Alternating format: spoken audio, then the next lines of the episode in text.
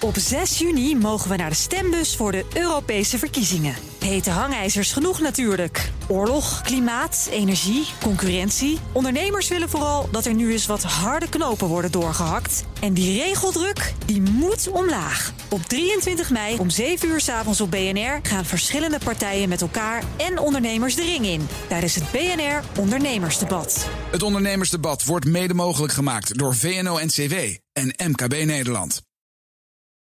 De column van Marianne Zwagerman.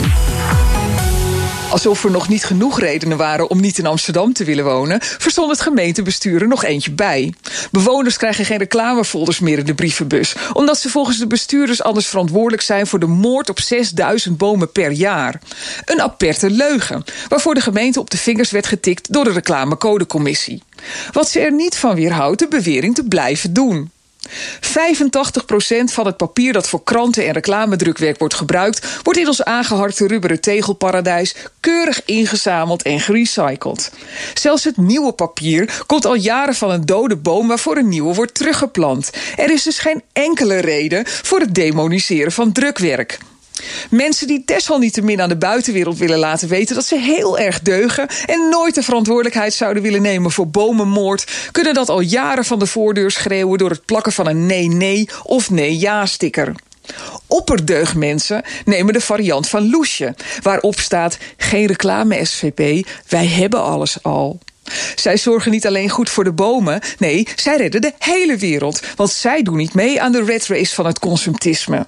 Ze dragen hun zelfgebreide geitenwolle sokken nog een extra weekje binnenstebuiten... voor ze op de hand te wassen in een biologisch brandnetelzeepje. Er was, kortom, geen probleem. Maar in Amsterdam zijn ze niet zo van dingen aan de vrije markt en de burgers zelf overlaten. Dus kwam er beleid. Niemand krijgt nog een folder in de bus, tenzij je expliciet aan de buitenwereld wilt laten weten dat jij wel zo'n milieucrimineel bent die extra bijdraagt aan de opwarming van de aarde en zich ook nog eens schuldig maakt aan verlekkerd bladeren door allerlei folders met spulletjes van de Action en de Big Bazaar. Of nog erger, je moet op je voordeur een sticker plakken om aan de hele buurt te laten weten dat je onder de armoedegrens leeft en het moet hebben van de coupons in de folders van de supermarkt. Het is een keiharde schending van het recht op een vrije nieuwsgaring. Ja, het is nieuws dat de opblaaseilanden met palmboom bij de Action in de aanbieding zijn. Voor sommige mensen is dat net zo belangrijk als de uitkomst van de G7.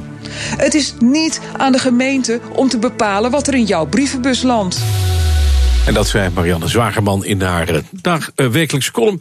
Die kunt u terugluisteren op bnr.nl en in de BNR-app. Op 6 juni mogen we naar de stembus voor de Europese verkiezingen. Hete hangijzers genoeg natuurlijk. Oorlog, klimaat, energie, concurrentie. Ondernemers willen vooral dat er nu eens wat harde knopen worden doorgehakt. En die regeldruk, die moet omlaag. Op 23 mei om 7 uur s avonds op BNR gaan verschillende partijen met elkaar en ondernemers de ring in. Tijdens het BNR Ondernemersdebat. Het Ondernemersdebat wordt mede mogelijk gemaakt door VNO-NCW en MKB Nederland.